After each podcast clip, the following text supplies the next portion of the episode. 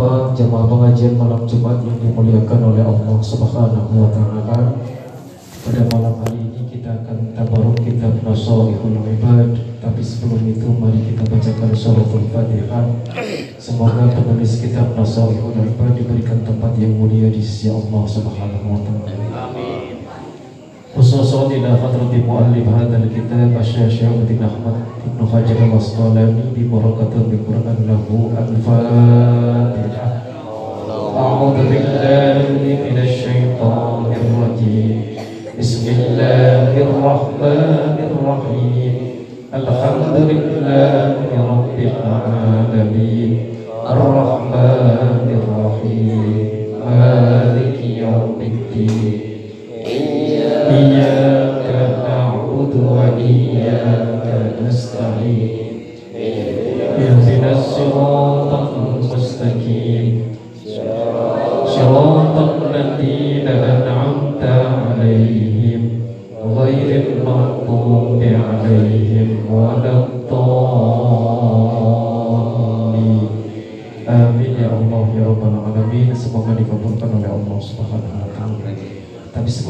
mari kita membaca dulu zikir tambahan selama bulan Rajab. Mudah-mudahan kita semua mendapatkan berkah dari Allah Subhanahu wa taala. Amin. Ikuti saya Pak. Bismillahirrahmanirrahim. Bismillahirrahmanirrahim. Rabbi firli wa tub alayya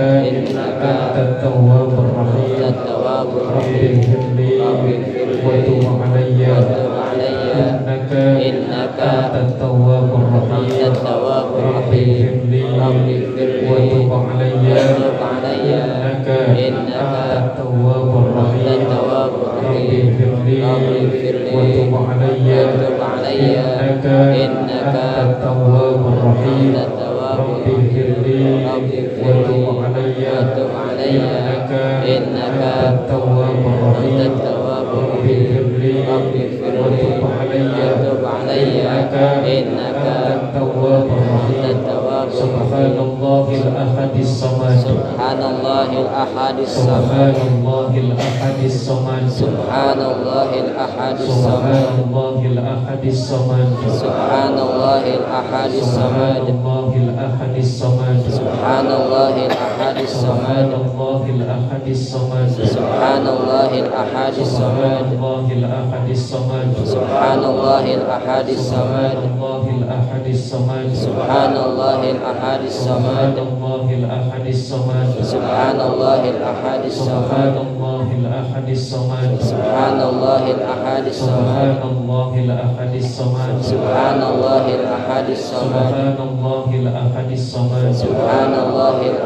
Samad Allahumma اللهم بارك لنا بارك لنا في رجب في وشعبان وشعبان وبلغنا وبلغنا رمضان. رمضان.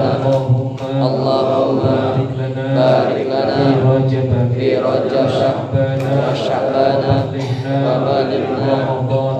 رمضان.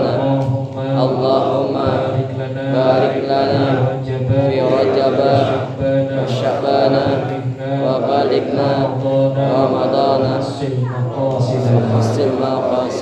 Ya Allah ya Rabbal Alamin. Semoga dikabulkan oleh Allah Subhanahu wa Ta'ala.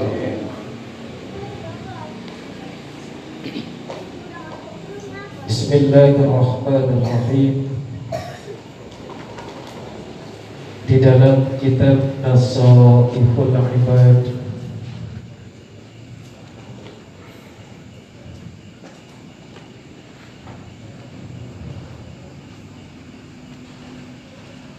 Tepatnya di halaman yang ke-78 Dijelaskan Man arada an yakuna lahu fi qabrihi mu'nisun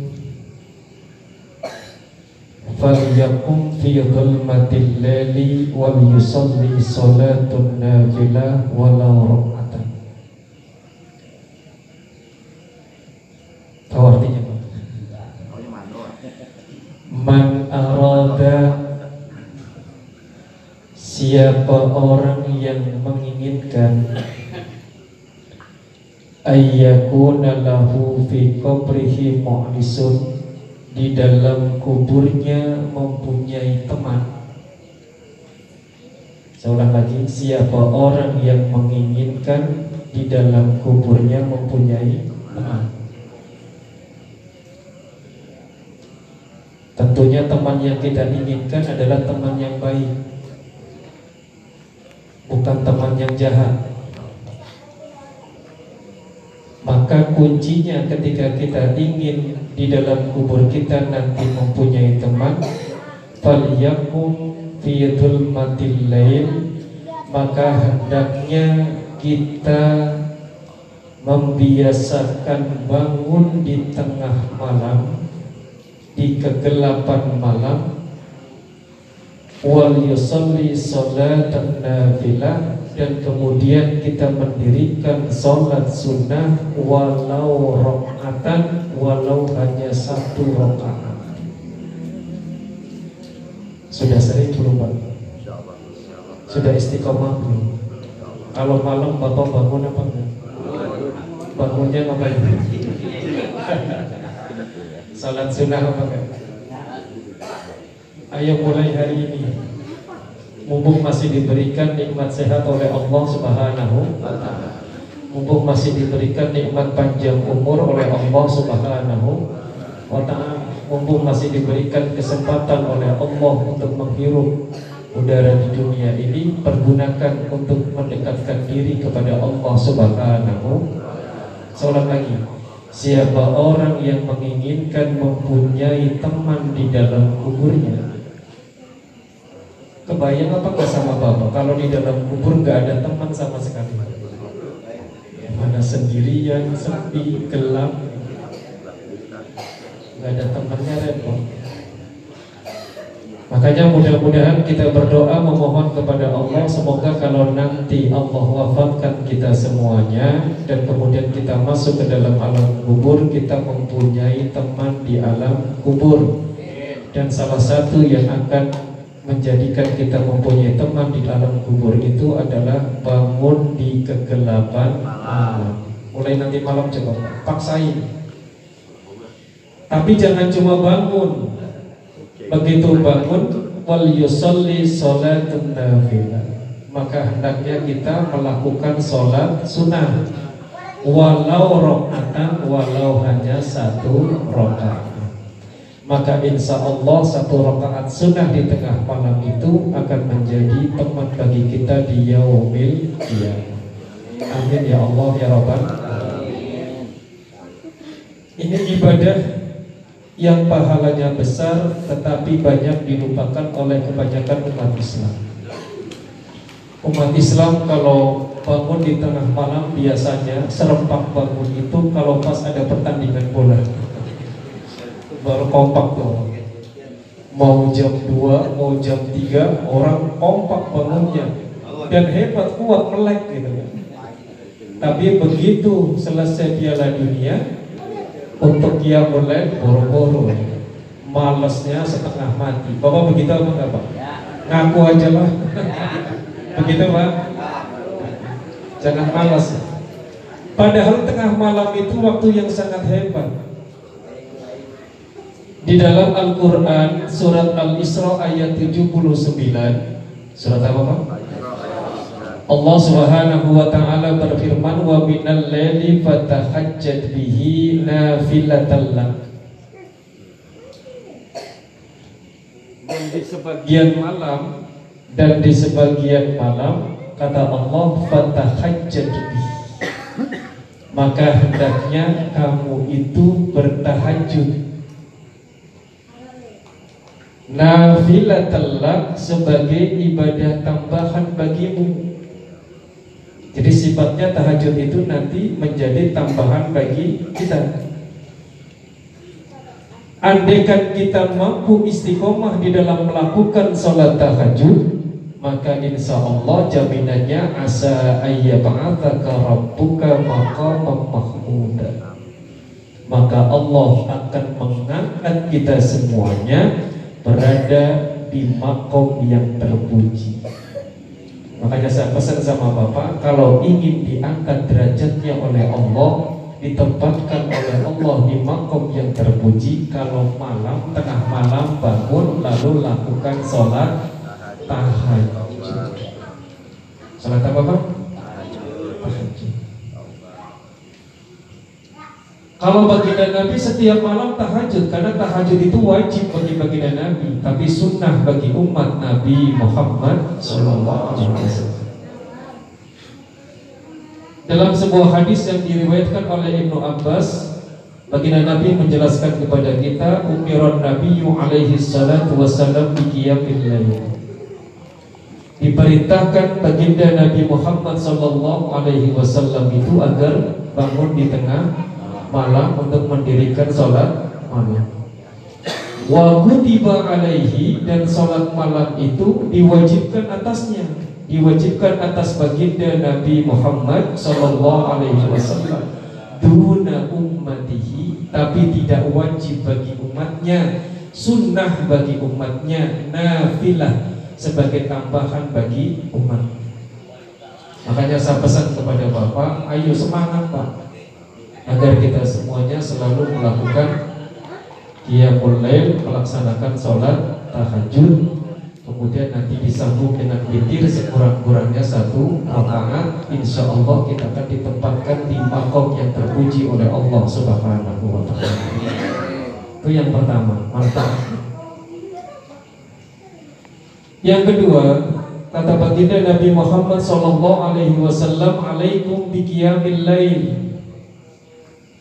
Hendaknya kalian membiasakan diri bangun di tengah malam. Kemudian melakukan sholat di tengah malam. Fa innahu da'bus salihin qablakum karena sholat malam itu merupakan perilakunya orang-orang soleh sebelum kamu. Jadi banyak orang-orang soleh sebelum kita itu kalau malam pasti bangun dan melakukan qiyamul lail Apa di antara manfaatnya wa muqarribul lakum ila rabbikum salat malam itu akan mendekatkan dirimu kepada Allah Subhanahu wa taala. Semakin rajin kita mendirikan salat malam, semakin dekat kita dengan Allah Subhanahu wa taala. Jadi kalau Bapak ingin dekat dengan Allah, qiyamul jangan malas. Tapi dianggapnya oleh kita ah, sunnah ini dikerjakan berpahala, nggak dikerjakan nggak apa-apa. Kita itu terjebak dengan definisi itu. Padahal sunnah itu manfaatnya luar biasa bagi kita. Sunnah itu nanti di yaumil kiamat akan menjadi penambal bagi ibadah wajib yang kurang di diri kita. Mungkin dulu di zaman jahiliyah kita sering ninggalin sholat lima waktu. Ya kan Pak? Tapi saya yakin orang sini mah nggak ada sini mah bela rajin semua. Sholat sunnah itu fungsinya nambal dari kekurangan ibadah wajib yang telah kita lakukan di masa-masa yang lalu.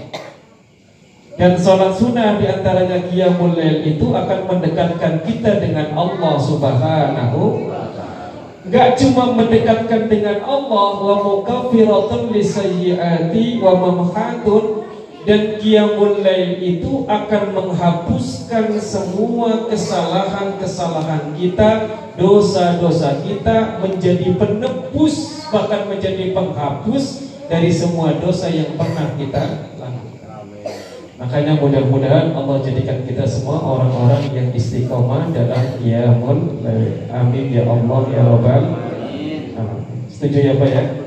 Niat karena Allah mudah-mudahan nanti malam Allah bangunkan kita semuanya Allah berikan kekuatan kepada kita sehingga kita mampu mendirikan qiyamul lail kita lakukan salat tahajud ya walaupun hanya dua rakaat tutup dengan satu witir udah gak jadi masalah setelah itu tidur lagi terserah jadi masalah Ya Pak ya. Insya Allah nanti kita di kubur kita mendapatkan teman yang baik. Amin ya Allah ya Rabbal Alamin. Lanjut apa Pak? Yang kedua.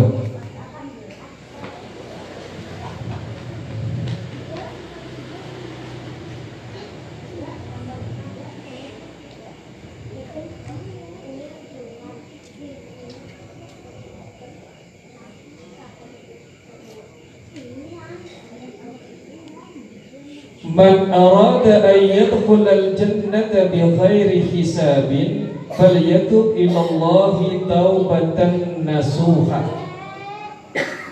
Yang kedua.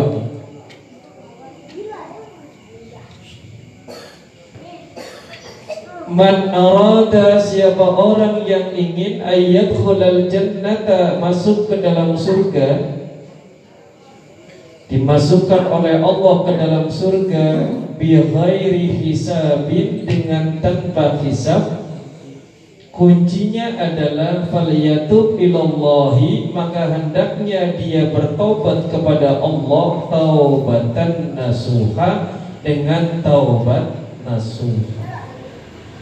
Dengan taubat yang sebenar benar. Jawab yang jujur Pak. Bapak dosanya banyak atau sedikit banyak apa banyak banyak banyak banget. Sehari berapa kali mohon ampun kepada Allah ayo jawab yang kompak yang jujur. Berapa kali sehari mohon ampun kepada Allah? Tuhur berapa kali istighfarnya? Tiga kali. Asar berapa kali?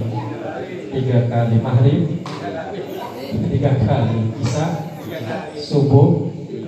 Berarti berapa kali dalam sehari? 15 kali. Dosa papa banyak apa sedikit? Banyak apa sedikit? Dosanya banyak tapi istighfarnya berapa kali? Yuk kita bandingin. Kita bandingin baginda Nabi Muhammad maksum. Apa pak? Maksum. Terjaga dari melakukan perbuatan dosa. Tapi dalam sehari semalam bertobat kepada Allah seratus kali. Dosanya kagak ada. Taubatnya berapa kali baginda Nabi?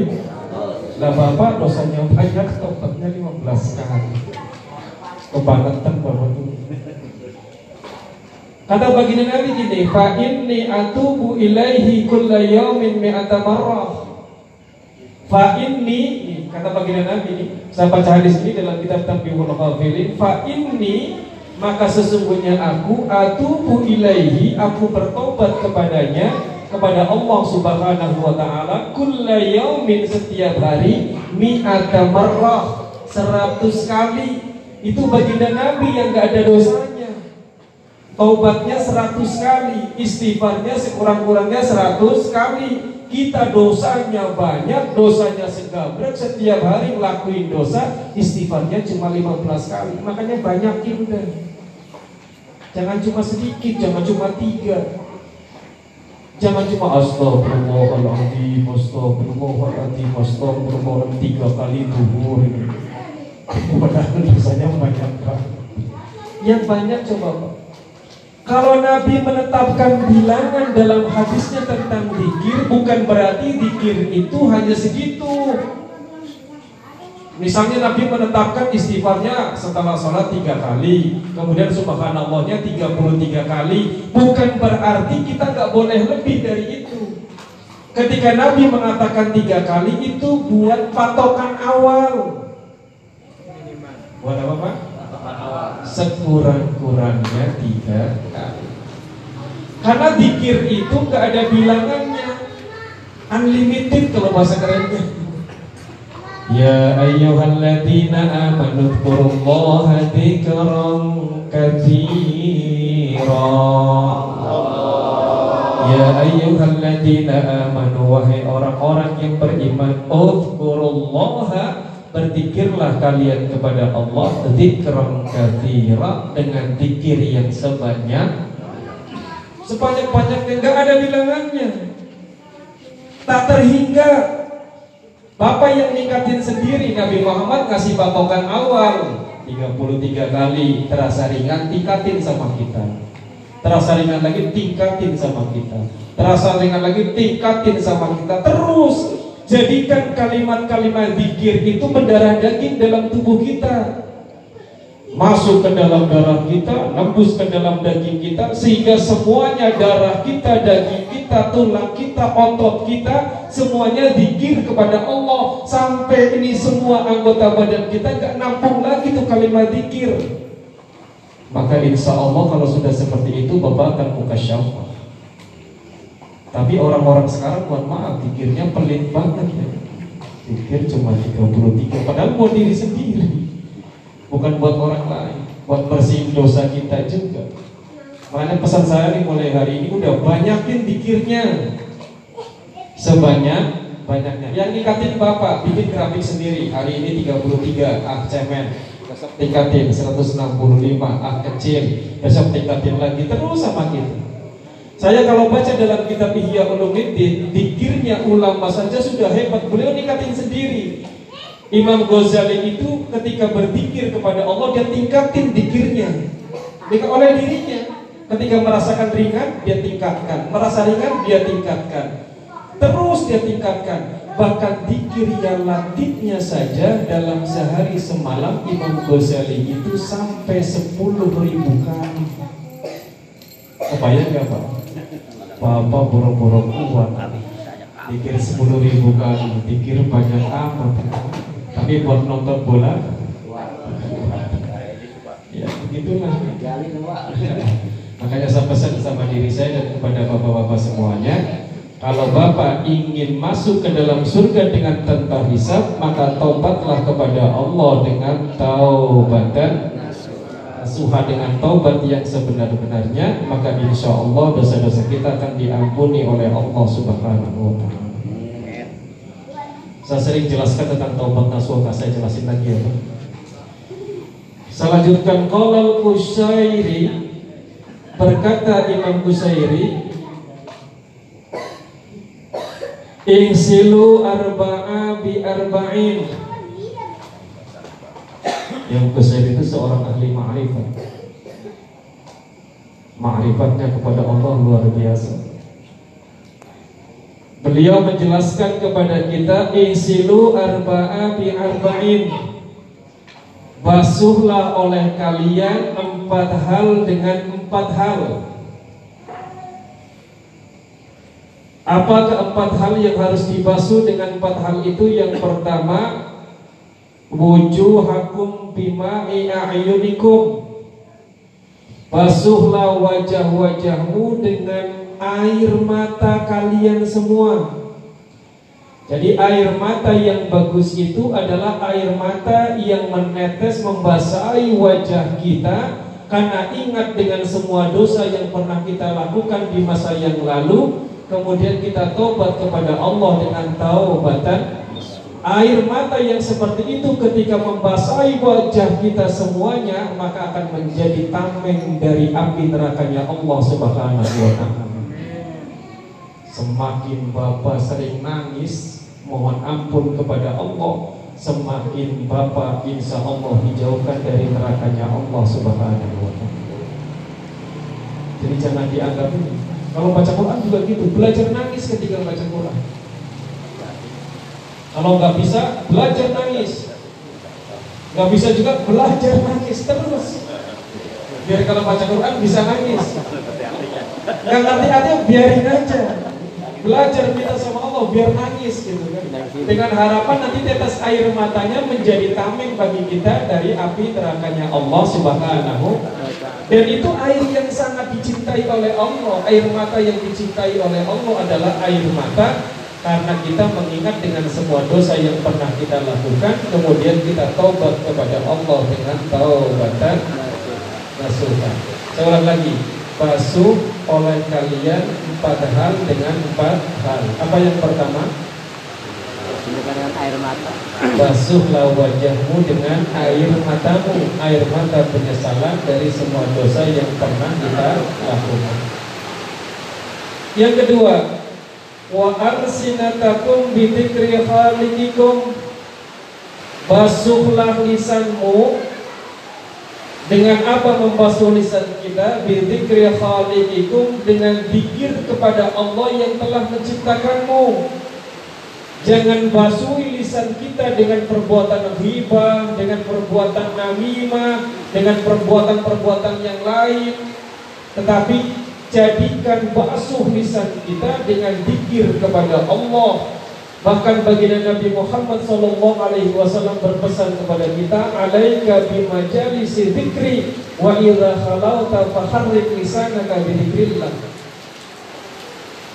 Hendaknya kita semua menjadi orang yang rajin menghadiri majelis zikir di mana pun berada.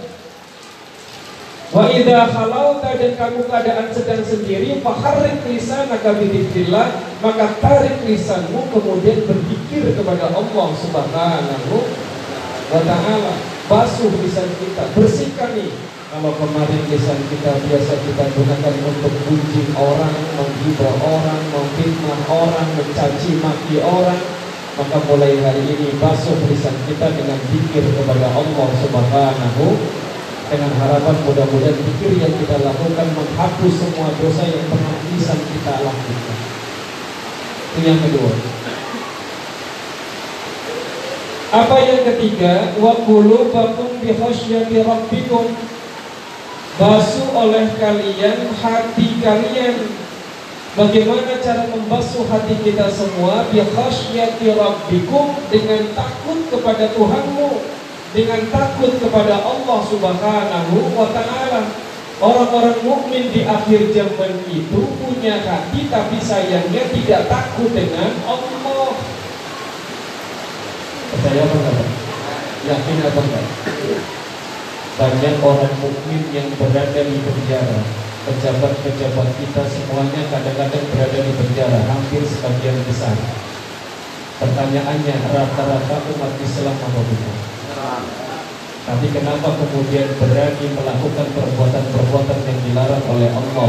Karena dalam kalbunya tidak ada rasa takut kepada Allah Subhanahu Tanamkan itu dalam hati kita. Takut kepada Allah di mana pun kita berada. Kalau dalam kalangan pejabat adanya Ada biasa dikenal dengan istilah waskat Pengawasan melekat. Kalau umat Islam waskatnya adalah pengawasan malaikat Karena semua yang kita lakukan itu dicatat oleh malaikat kiraman katibin yang kita ucapkan, yang kita keluarkan dari lisan kita itu dicatat oleh malaikat kiraman Kami ma yalfidu min qawlin illa ladaihi raqibun atid. Tidak ada satu ucapan pun yang keluar dari lisan kita melainkan dicatat oleh malaikat raqib dan malaikat atid. Dan disaksikan oleh Allah Subhanahu wa taala. Makanya tanamkan rasa takut dalam diri kita, takut dengan azab Allah Subhanahu wa taala. Basuh tuh hati kita dengan kita mempunyai rasa takut kepada Allah. Semakin besar rasa takut kita kepada Allah, maka insya Allah kita akan menjadi orang-orang yang mulia di sisi Allah Subhanahu wa taala. Maqama rabbih wa nahaa an-nafsa 'anil hawa fa innal jannata hiyal ma'wa. Wa amma man khafa maqama rabbih dan adapun orang yang takut dengan kebesaran Tuhannya, takut dengan Allah Subhanahu wa taala, wa nafsa 'anil hawa dan orang itu kemudian menatang dirinya dari keinginan hawa nafsu. Apa jaminannya dari Allah Subhanahu wa taala?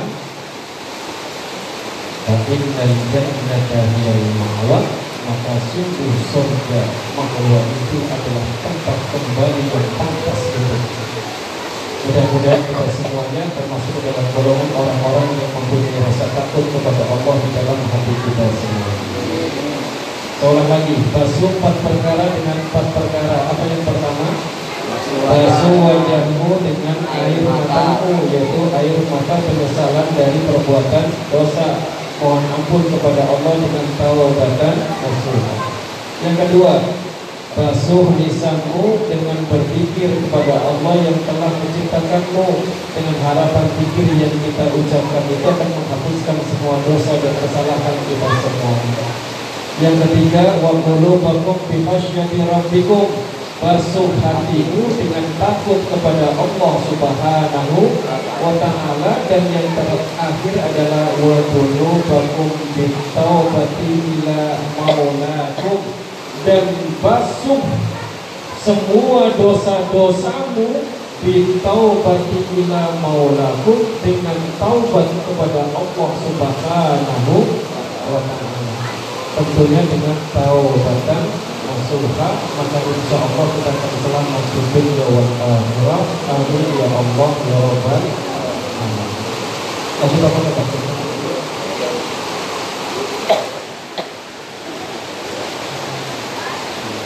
Lanjut apa kabar? Lanjut. Ulang dulu, jangan satu sama ngomong banyak, bapak bapak. Apa yang pertama? Kalau bapak ingin punya teman di alam kubur, apa caranya? Bagaimana caranya? Bangun malam. Bangun di kegelapan malam, lalu lakukan sholat sunnah dua rakaat. Lakukan sholat sunnah walau hanya satu rakaat maka insya Allah kita akan mempunyai teman di alam kubur kita tentunya teman yang menyenangkan bagi kita semuanya yang kedua kalau Bapak ingin masuk ke dalam surga dengan tanpa hisab apa yang harus Bapak lakukan taubat kepada Allah subhanahu wa ta'ala dengan taubatan asuha taubat yang sebenar-benarnya taubat yang semurni murninya Salah seorang ahli ma'rifat berkata kepada kita basuh empat perkara dengan empat perkara. Apa yang pertama? Basuh wajahmu. Basuh wajahmu dengan air matamu. Air mata apa? Air mata penyesalan dari perbuatan dosa yang pernah kita lakukan. dilakukan. Insya Allah air mata yang seperti itu akan menjadi tameng dari panasnya api neraka. Yang kedua, Basuh lisanmu dengan berpikir kepada Allah. Subhanahu wa taala. Yang ketiga,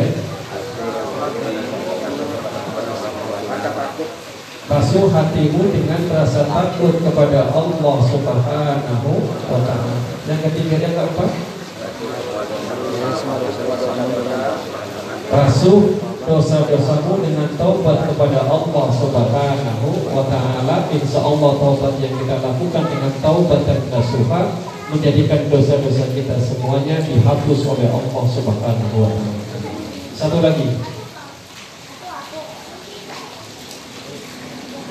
Man arada an yakuna lahu badanun sabirun wa lisanun dzakirun wa qalbun khashi'un فعليه بكثرة الاستغفار للمؤمنين والمؤمنات والمسلمين والمسلمات Man arada siapa orang yang ingin ayyakuna lahu badanun sabirun dijadikan baginya badan yang sabar walisanun dzakirun dijadikan oleh Allah lisan yang selalu berzikir kepada Allah wa qalbun khashi'un dijadikan oleh Allah hati yang khusyuk maka kuncinya adalah fa'alaihi bi kasratil istighfar lil mu'minina wal mu'minat wal muslimina wal muslimat. Maka kuncinya adalah Bapak hendaknya menjadi orang yang selalu memohonkan ampun untuk mukmin laki-laki dan mukmin perempuan untuk muslim laki-laki dan muslim perempuan. Sekurang-kurangnya doanya ikuti saya. Bismillahirrahmanirrahim. Allahumma khfir Allahumma lil mu'minina wal mu'minat wal muslimina wal muslimat muslimina wal al ahya'i minhum wal amwat. Innaka sami'un qaribun mujibud da'wat sami'un qaribun Bapak bunyi bersama-sama. Allahumma khfir lil mu'minina wal mu'minat wal muslimina wal muslimat. Al ahya'i minhum wal amwat. Innaka sami'un qaribun mujibud da'wat Apa yang bunyi saya diam.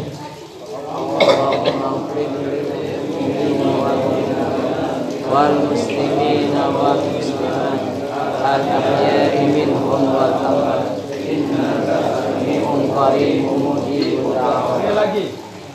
اللهم اغفر للمؤمنين والمؤمنات والمسلمين والمسلمات الأحياء منهم والأموات إنك سميع قريب مجيب Ini rahasianya, ya Bapak tahu. Ini orang yang jarang tahu. Makanya sesama umat Islam itu baik laki-laki maupun perempuan, baik mukmin laki-laki maupun mukmin perempuan harus saling tolong menolong, harus saling berbuat baik, jangan saling menghancurkan. Apa kuncinya kata baginda Nabi? Man istaghfara lil mu'minina wal mu'minat Barang siapa orang yang memohonkan ampun untuk orang mukmin laki-laki dan mukmin perempuan Kata Allahu lahu maka Allah mencatat baginya bikulli mu'minin wa mu'minat dari setiap mukmin laki-laki dan mukmin perempuan yang ia doakan hasanah satu kebaikan. Bapak doa gini Allahumma fil lil mu'minina wal mu'minat wal muslimina wal muslimat al ahya'i minhum wal amwat innaka sami'un qaribun mujibud da'wat Bapak dapat kebaikan yang banyak sekali luar biasa banyaknya tak terhitung sejumlah makhluk Allah subhanahu wa ta'ala sejumlah orang yang beriman baik yang masih hidup maupun yang sudah mati. Itu yang pertama. Satu mukminnya satu kebaikan. Kesannya remeh. Ah doa biasa. Padahal fadilahnya luar biasa. Makanya saya nggak pernah lepas doa itu setiap hari.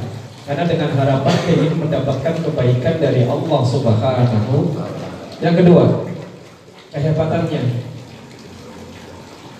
Man istaghfara lil mu'minina wal mu'minat kulla yawmin sab'an wa isrina marratan. Siapa orang yang memohonkan ampun untuk mukmin laki-laki dan mukmin perempuan kulla yawmin sab'an wa isrina marratan setiap harinya sebanyak 27 kali. Berapa kali Pak? Berapa kali? Karena minal ladina yastajabu lahum maka dia termasuk ke dalam golongan orang-orang yang doanya mustajabah. Oh, Bapak kalau pengen doanya mustajabah, syaratnya itu. Allahumma fil lil mu'minina wal mu'minat wal muslimina wal muslimat alam ya'idil hum wal amwat innaka sami'un qaribun mujibud da'wat. Sehari semalam berapa kali? 27 kali. Praktekkan Pak. Insya Allah doa kita mustajab. Dikabulkan oleh Allah Subhanahu wa taala. Baik sampai sini dulu ada yang mau bertanya silakan. Yang perlu tanya.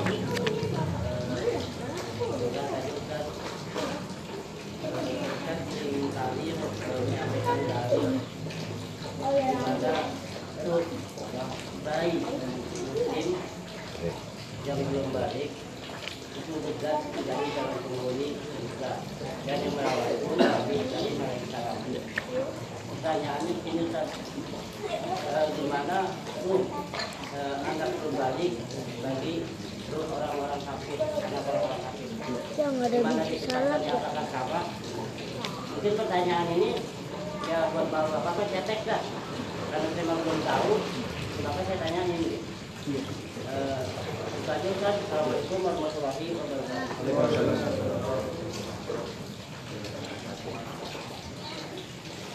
Kata baginda Nabi Kullu mauludin yuladu alal fitrah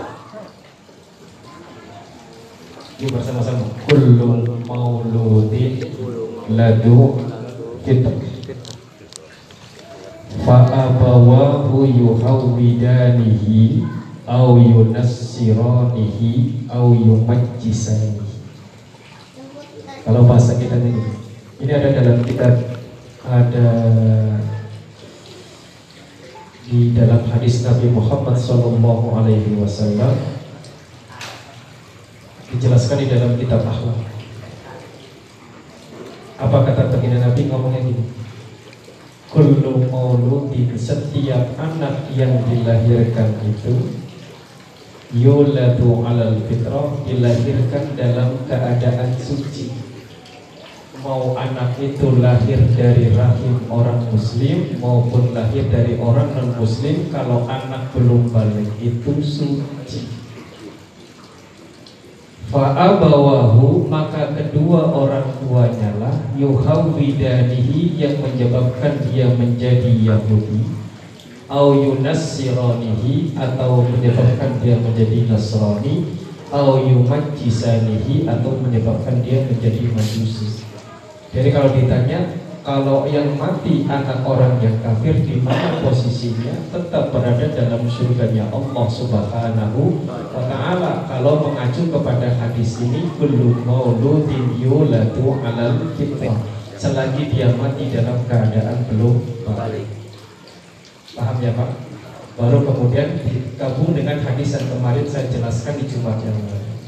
Kalau anak yang mati dalam keadaan belum balik nanti akan menjadi penghuni surganya Allah Subhanahu wa taala.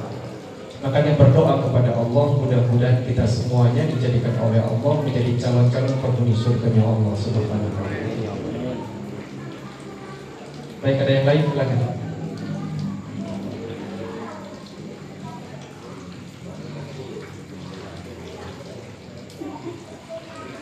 Ada saya Pak.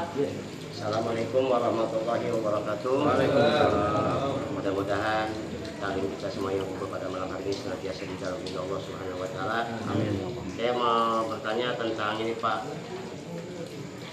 Doa pengampunan buat uh, muslimin dan muslimat di dalam khutbah Jumat itu apakah rukun atau sunnah? Saja Pak pertanyaan saya. Dari topik Hidayah. Wassalamualaikum warahmatullahi wabarakatuh. Ini para khatib Ustaz.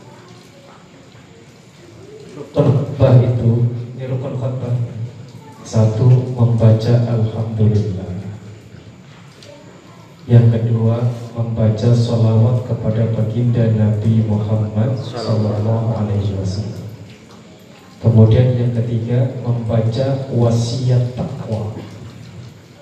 Yang keempat membaca salah satu ayat dari Al-Quran yang kelima, mendoakan mukmin laki-laki dan mukmin perempuan di khutbah yang kedua. Ingat nih, ini rukun khutbah khotib harus tahu ini, nggak boleh ketinggalan. Syahadat nggak disebut Pak Ustadz, syahadat bukan rukun tapi penting. Kalau orang khutbah nggak ada syahadatnya, kalian jatma seperti tangan yang terpotong. Jadi orang yang hidup tapi nggak ada tangannya, makanya kemudian Sahadat selalu dibaca, kenapa? Biar sempurna khutbahnya. Tapi kalau ditanya rukun, apa rukunnya? Ingat ya, satu apa? Membaca Alhamdulillah, oh Alhamdulillah atau Innal Hamdulillah terserah. Kemudian solawat kepada baginda Nabi Muhammad SAW Sekurang-kurangnya Allahumma sholli ala Muhammad wa ala ali Muhammad Wasiat takwa sekurang-kurangnya ittaqullah atau usikum wa iya ya bittaqullah. Terserah kalau ittaqullah haqqa tuqatih wa la tamutunna illa wa antum yang keempat membaca salah satu ayat dari Al-Qur'an. Ini rukun nih jangan sampai diinginkan jangan sampai ditinggalkan yang kelima mendoakan mukmin laki-laki dan mukmin perempuan. Jadi kalau ada khotib nggak baca nggak doain mukmin laki-laki nggak sah. Itu rukun di khotbah yang kedua ini jadi kalau ditanya apakah itu rukun atau sunnah? Rukun. Sahadat bukan rukun tapi sangat penting. Kalau nggak ada sahadatnya seperti kaliyadil jemaah kayak tangan yang terpotong. Makanya khatib harus tahu. Jadi jangan cuma ngadalin catatan-catatan mohon maaf yang dijual-dijual di umum. Harus ngaji. Kalau cuma ngadalin catatan di umum mohon maaf banyak salahnya. Kalau kita mau menggunakan catatan-catatan yang sudah dijual di buku-buku itu, tanya sama guru, tanya sama ustadz, Pak ini rukunnya sudah benar apa belum? Kalau guru sudah mengatakan, oh ini rukunnya sudah benar, sudah ke bawah semuanya, baru pakai. Tapi pesan saya yang kedua, setelah rukunnya sudah benar, titik komanya harus tepat. Karena baca tulisan itu berbeda dengan bapak yang orator. Kalau bapak baca tulisan, titiknya komanya salah, bahaya. Salah koma bahaya dalam tulisan. Kata orang Sunda gini, barang ningali susukan jut pakades turun. Apa artinya pak? Barang ningali susukan setelah melihat selokan jut pakades turun. Lalu pakades turun karena mampet kan? Nah kalau bapak salah koma barang ningali susu kamnya kamnya ke sana kamnya salah. Salah koma barang ningali susu kanjut pakades turun. Berbeda apa enggak berbeda. Juga negara koma. Sama kalimatnya. Barang. Barang ningali kan jut pakades turun. Itu kan bener gitu kan intonasinya? Tapi begitu komanya salah barang ningali susu kanjut. Jadi berbeda maknanya makanya koma harus benar membacanya. Penting. Paham ya pak? Jadi bagi para khotib yang biasa khotib Jumat kalau mau baca catatan orang tulisan orang baca dengan teliti. Pahami per itemnya per alineanya paham. Benar ini kandungan maknanya apa karena bukan tulisan kita. Bukan tulisan kita sendiri tulisan orang. Baca tulisan itu berbeda membaca buku harus begitu pak. Menerjemahkan juga begitu. Saya ketika kuliah dulu juga membaca begitu. Kalau baca kitabnya Profesor Hasbi Asidiki saya paling pusing. Karena tulisannya tuh hanya transfer dari kitab asli menjadi terjemah bahasa Indonesia. Buyang kita masih harus baca lagi mending baca kitab asli begini daripada baca tulisan beliau Makanya paling enak tuh baca kitab asli, setelah kita baca, kemudian kita pahami, uraikan, tulis sama diri kita sendiri. Jadi tulisan kita, jadi bahasa kita dituliskan dalam buku, maka akan lebih hebat, lebih enak. Gampang dipahami dan dicerna. Baik, ada yang lain, silakan.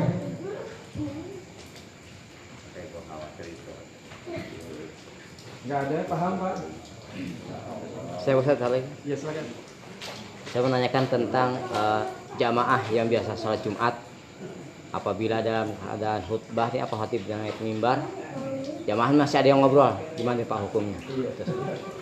Banyak sering sekali itu saya dengar.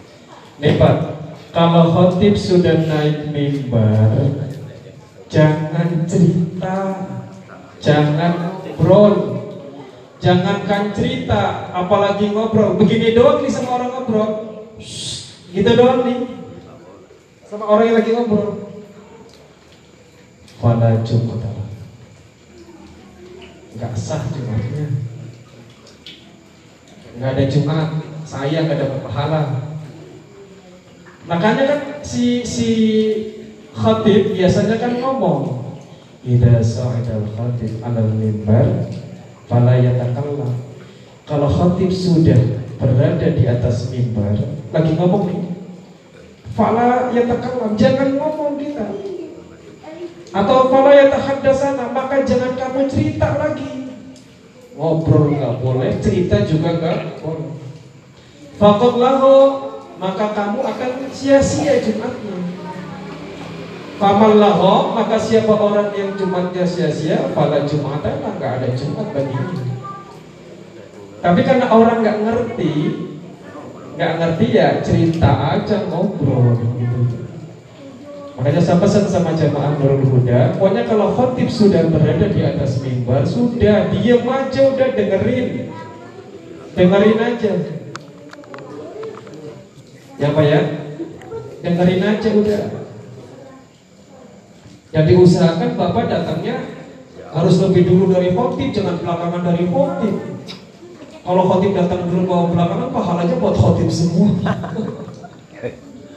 Nih, ini saran saya buat jamaah Nurul Huda Usahakan datang lebih awal. Makanya orang-orang tua dulu Saya tuh kalau melihat orang-orang tua Saya dulu di desa saya Itu kalau hari Jumat Pak dari mulai sekolah dulu mah libur.